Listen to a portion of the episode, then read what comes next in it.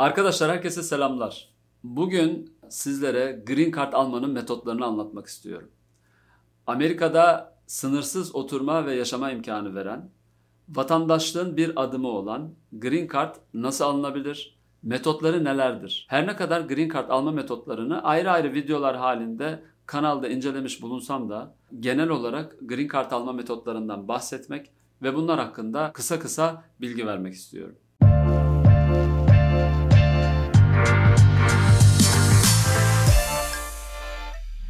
Amerika Birleşik Devletleri'nde Green Card almanın değişik metotları var. Bunlardan en çok bilineni ve belki de en çok merak edileni DV Lottery yani çekilişle Green Card alma.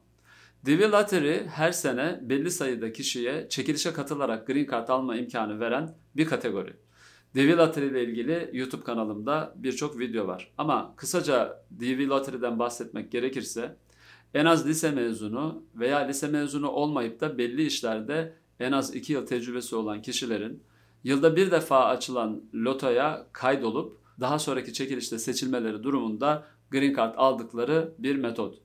Tabi başvuru yapan insan sayısı açısından çok fazla, seçilen kişi açısından çok az kişiye verilen bir hak olduğu için DV Lottery her ne kadar bir Green Card metodu olsa da Türkiye'deki tabiriyle milli piyango çekilişindeki büyük ikramiyelerden birini kazanmak gibi düşünülebilir. Devilatri çekilişi her sene devletin kendi web sitesinde bir ay boyunca devam eder. Ekim ayında başlar, Kasım ayının başında biter. Bununla ilgili gerekli duyuruları zamanı geldikçe yapıyoruz ama bu başvuruya katılmak isteyenlerin Ekim ayında başvuru yapması gerekiyor. Devilatri genel olarak Green Card almanın en kolay metodu olarak kabul edilir. Tabii ki son zamanlarda Covid kaynaklı mülakat alamama sebeplerinden dolayı DV Lottery'yi kazanmış olanların Green Card alamadığı durumlar oldu. Bu da ayrı bir konu. DV Lottery'ye katılmış ve kazanmış olmak Green Card almayı garantilemiyor. DV Lottery kazandığınızda o mali yılın bitimine kadar bu kartı mutlaka almanız gerekiyor. Eğer alamazsanız bu hakkınız yanmış oluyor. Dolayısıyla diğer Green Card başvurularından farklı olarak DV Lottery'yi kazanmanın ve akabinde kartı alabilmenin bir süreye bağlı olduğunu söyleyebiliriz. Green Card almanın ikinci metodu bazı aile üyeleri üzerinden yapılan Green Card başvuruları. Bununla ilgili de YouTube kanalımda çokça video var ama kısaca özetlemek gerekirse Amerikan vatandaşı veyahut da Green Card sahibi olan aile üyeleri üzerinden Green Card almak da mümkün olabilir. Mesela Amerikan vatandaşı kişilerin kendi çocuklarına, eşlerine, anne babalarına ve kardeşlerine Green Card başvurusu yapma hakları var. Yine Green Card sahibi olan kişilerin kendi eşlerine ve çocuklarına Green Card başvurusu yapma hakları var. Burada çok sorulan sorulardan bir tanesi Green Card sahibinin kendi anne babasına veyahut da kendi kardeşlerine bir başvuru yapma hakkı yok mu diye soruluyor. Cevap yok. Green Card sahipleri sadece eşlerine ve çocuklarına Green Card başvurusu yapabilirler. Aile üzerinden yapılan Green Card başvurularıyla ilgili detaylı videolar YouTube kanalında var. Ama genel olarak bu kategoriden bahsetmek gerekirse Amerikan vatandaşlarının kendi eşlerine, 21 yaşın altındaki çocuklarına ve anne babalarına yapmış oldukları başvurular immediate relative kategorisi yani en yakın aile üyesine yapılan Green Card başvurusu olarak kabul edildiği için herhangi bir preference kategorisi dediğimiz bekleme süresine tabi değil. Yani Amerikan vatandaşları eşlerine, 21 yaş altı çocuklarına, anne babalarına başvuru yaptıklarında bu başvurular sadece göçmenlik bürosunun ve veya konsolosluğun bekleme süreleri içinde değerlendiriliyor. Ayrıca vize numaralarının açılmasını beklemelerine gerek yok. Fakat Amerikan vatandaşlarının 21 yaş üstü çocuklarına, Amerikan vatandaşlarının kardeşlerine, Green Card sahiplerinin eşlerine, Green Card sahiplerinin çocuklarına yapmış olduğu başvuruların tamamı vize sınıflandırmasına yani preference kategorilerine tabi. Bu kategorilerde her sene belli sayıda Green Card verildiği için o sayılar tükendiği zaman bekleme durumları söz konusu oluyor. Dolayısıyla bu kategorilerde başvuranlar Green Card alabilmek için o kategorideki vize numaralarının uygun hale gelmesine, available hale gelmesini yani açılmasını beklemek durumunda kalıyorlar. Bu kategorilerdeki vize numaraları da her ay yayınlanan vize bülteninde duyuruluyor. Vize preference kategorilerindeki değişiklikler çok fazla insanı ilgilendirdiği için bu tip güncellemeleri biz genellikle sosyal medya sayfalarımızda, mesela Instagram hesabımızda, Facebook hesabımızda duyurmaya çalışıyoruz. Çünkü bazen bir kategorideki hızlı bir ilerleme kişilerin o kategoride hızlı bir şekilde green card almasını veya uzun süredir bekleyen dosyalarının sonuçlanmasını sağlayabiliyor. Aile üzerinden yapılan Green Card başvuruları genel itibariyle Amerika'daki göçmenlik sisteminin çok büyük bir kısmını oluşturuyor dersek yanlış söylemiş olmayız. Çünkü Amerika'daki göçmen toplumları kendi aile üyelerine Green Card başvurusu yapabilecek hale geldikleri anda bu başvuruları çoğunlukla yapıyorlar. Mesela bir kişi vatandaş olduğunda hemen kardeşi için bir başvuru başlatıyor. Bir kişi vatandaş olduğunda anne babası için eğer burada yaşamak istiyorlarsa bir Green Card başvurusu başlatıyor. Bunları zaten diğer YouTube videolarında da detaylı bir şekilde anlatmıştım. Ancak aile üzerinden olan Green Card başvuruları aile üyeliğinin ispatı dışında çok fazla bir ispat yükü getirmediği için genellikle kolay immigration, kolay Amerika'ya göç etme olarak düşünülebilir. Sadece bekleme süreleri bazı kategorilerde biraz uzun olabilir. Ama immediate family members dediğimiz yakın aile üyelerinde bekleme süreleri biraz önce de anlattığım gibi çok daha kısa. Aile fertleri için yapılan Green Card başvurusunda belki de eklenebilecek son şey şu. Green Card sahiplerinin eşlerine yapmış olduğu başvurular ve 21 yaş altı çocuklarına yapmış olduğu başvurular her ne kadar bir vize preference kategorisine tabi olsa da bugünlerde bu kategoride kullanılan numaralar çok az olduğu için Green Card sahipleri eşlerine ve 21 yaş altı çocuklarına hızlı bir şekilde Green Card başvurusu yapıp onların Green Card almasını kısa süre içinde sağlayabiliyorlar. Yani bu anlamda şu anda bu başvuruların Amerikan vatandaşının yaptığı başvurudan hiçbir farkı yok. Amerikan vatandaşının eşine veya 21 yaş altı çocuğuna yapmış olduğu başvuru gibi bu Green Card sahiplerinin yaptığı başvurularda hızlı ilerliyor. Bunu ben çok e, anlatıyorum, çok duyuruyorum çünkü çok güzel bir fırsat. E, çok fazla karşımıza çıkmayan bir fırsat ama son 2-3 yıldır durum böyle. Dolayısıyla bunu da bir kere daha belirtmek istedim. Green Card almanın başka bir metodu da employment based dediğimiz iş üzerinden veyahut da bir iş yeri üzerinden yapılan Green Card başvurularıdır. Burada iş üzerinden dediğimiz zaman kişinin kendi kendine yapabildiği Green Card başvurularını iş yeri üzerinden yapılan Green Card başvurusu dediğimiz zaman da ortada mutlaka bir sponsorun bulunması gereken bir şirket sponsorluğunda yapılabilen başvurulardan bahsediyoruz. Öncelikle iş üzerinden yani kişinin kendi kendine yapabildiği kategorilere bakacak olursak olağanüstü kabiliyet diye bir vize var. EB1 kategorisi dediğimiz. Kişinin kendi alanında çok tanındığı, çok bilindiği, kendi alanında çığır açtığı, o endüstride, o sektörde çok bilindiği, Amerika'da da bu bilinirliği, bu ünü güzel bir şekilde kullanabileceğini gösterdiği kategoriye diyoruz. Bu kategoride herhangi bir sponsora ihtiyaç yok. Kişi kendi kendine başvuru yapabiliyor ve bu başvuru yaparken kendi alanında çok ileri gittiğini, çok meşhur olduğunu ve Amerika'da da aynı işi yapmaya devam edeceğini gösteriyor. Bu başvurular daha çok sanatçılar, sporcular, belli bir alanda çok ileriye gitmiş olan iş sahipleri, yöneticiler tarafından kullanılıyor.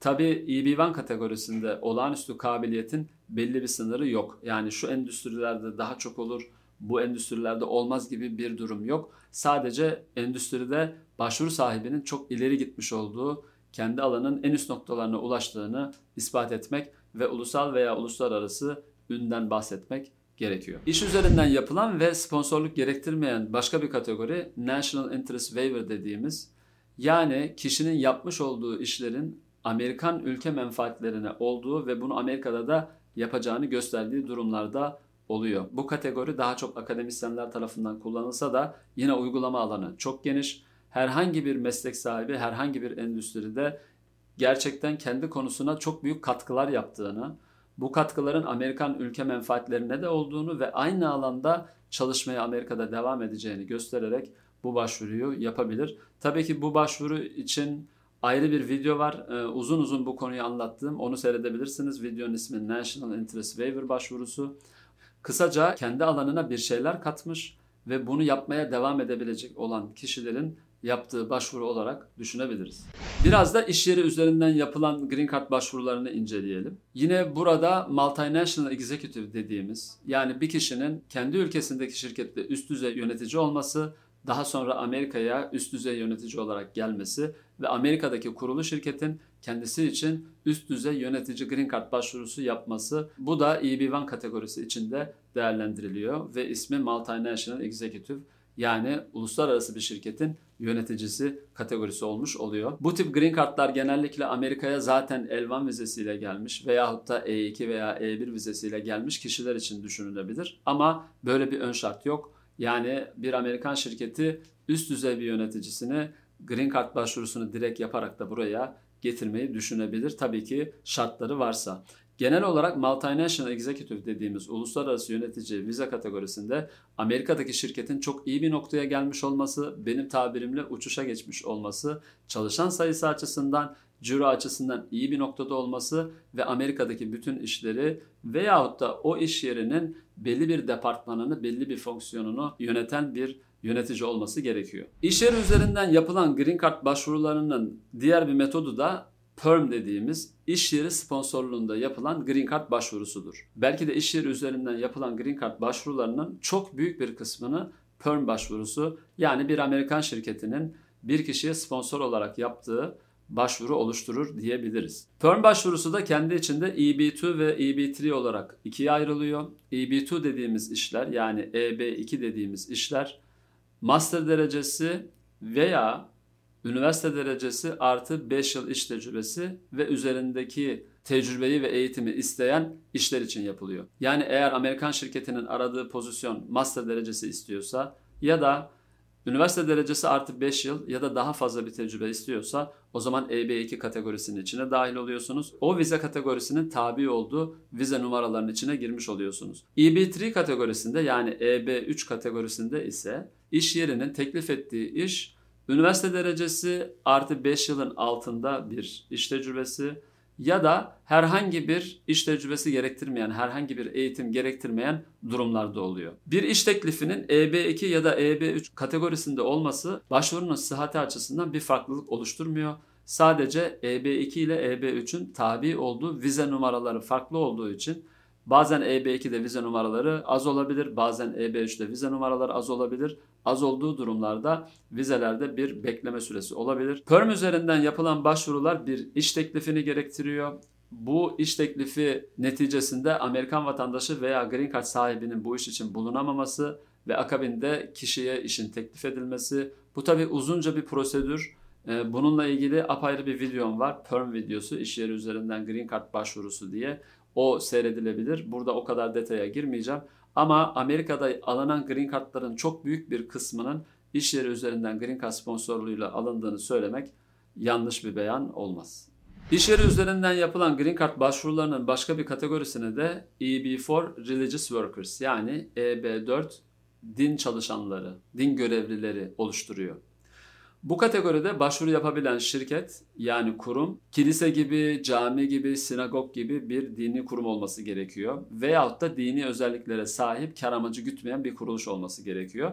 Kendisi için başvuru yapılan kişinin de din görevlisi olması gerekiyor. Bu kategorinin kendi içinde çok detaylı şartları var. Aynı zamanda kontrole çok fazla tabi olan bir kategori EB4 kategorisinde, din görevlisi kategorisinde green card alabilmek için de hem bu başvuru yapan kurumun hem de din görevlisinin ciddi süreçlerden geçtiğini ve hem şirket bilgilerinin hem de din görevlisinin bilgilerinin ciddi şekilde kontrol edildiğini de söylemiş olalım. İş yeri üzerinden yapılan Green Card başvurusunun son kategorisini de EB5 kategorisi oluşturuyor. EB5 veya EB5 dediğimiz yatırım yaparak Green Card alma metodu. EB5 ile alakalı YouTube kanalımda çeşitli videolar mevcut. Kısaca hatırlatmak gerekirse EB5 iki şekilde alınabilir. Ya kendiniz bir iş kurup yatırım yapacaksınız ya da bir regional center'a yani bölgesel ticari merkeze yatırım yapacaksınız. Kendinizin iş kurması durumunda sıfırdan bir iş kurmanız gerekiyor. Bu yatırım minimum 1 milyon 50 bin dolar olabilir. Ve kurduğunuz işin 2 yıllık bir periyot içinde 10 tane full time yani 10 tane tam zamanlı çalışana iş imkanı vermesi gerekiyor. Kısa özeti bu. Regional Center üzerinden gidiyorsanız yani bölgesel ticari merkez üzerinden gidiyorsanız yatırım miktarı 800 bin dolar. Yatırım yaptığınız şirketi siz yönetmiyorsunuz. Oranın sadece küçük bir ortağısınız. Diğer 800 bin dolar yatırım yapan insanlarla beraber bu yatırım üzerinden Green Card başvurusu yapıyorsunuz. Burada yine yatırım başına minimum 10 tane full time eleman çalıştırma zorunluluğu var. Ancak bu indirect employment dediğimiz dolaylı çalışanları da kapsadığı için kurallar, şartlar biraz daha hafifletilmiş durumda ve bu yatırımın oluşturduğu istihdamın sadece o yatırımla değil çevresindeki oluşumlarla da çevresindeki iş yerleriyle de ilgili olduğu düşünüldüğü için biraz daha çalışan sayısı anlamında esnek bir yapı var. Amerika'da Green Card'la sonuçlanan başka bir başvuru metodu da asylum yani iltica başvurusu. İltica başvurusu ile ilgili çok detaylı bir video çektim. Kanalda yayınladık. Kısaca kendi ülkesine belli sebeplerden dolayı dönemeyen, dönerse zulme uğrayacak veyahut da ayrımcılığa uğrayacak olan kişilerin Amerika Birleşik Devletleri içindeyken yaptığı başvuru. Bu başvurunun zamanlaması, süreci, Covid sonrası Amerika içinde çok belirsiz bir duruma girdi. Çünkü bu başvurular mülakatsız ilticanın kabul edilmediği başvurular. İltica videosunda da anlattığım gibi iltica başvurusu çok ciddi şekil şartlarına bağlı olan bir başvurudur tamamen gerçek beyanlara dayanması gereken ve Amerika Birleşik Devletleri görevlilerine doğru bilgiler verilmesi gereken bir başvurudur. Ayrıca bütün Green Card metotları arasında en çok suistimal edilen metottur diyebiliriz. Dolayısıyla detayları daha önce çekmiş olduğum iltica videosuna bırakarak burada kısaca birkaç bilgi vermek istiyorum. İltica başvurusu sadece Amerika içindeyken yapılabilir. Bu başvuruyu yaptıktan sonra mülakat alırsanız bu mülakatın sürecinin ne kadar olacağı şu an itibariyle belli değil. Covid kaynaklı sebeplerden dolayı. Eğer mülakatta başarılı olursanız size kabul kağıdı gelir ve ısayli statüsünde yani iltica eden kişi statüsünde Amerika'da bulunmuş olursunuz. İltica eden kişilerin de bir yıl Amerika'da geçirdikten sonra Green Card başvurusu yapma hakkı olur. Bugün size Amerika Birleşik Devletleri'nde Green Card nasıl alınır konusunu özetlemeye çalıştım. Her bir metottan kısa kısa bahsettim. Umarım faydalı olmuştur. Kanalımıza abone olmayı unutmayın. Gelişmelerden haberdar olmak için diğer sosyal medya hesaplarımızı da mutlaka takip edin. Hepinize iyi günler diliyorum. Görüşmek üzere.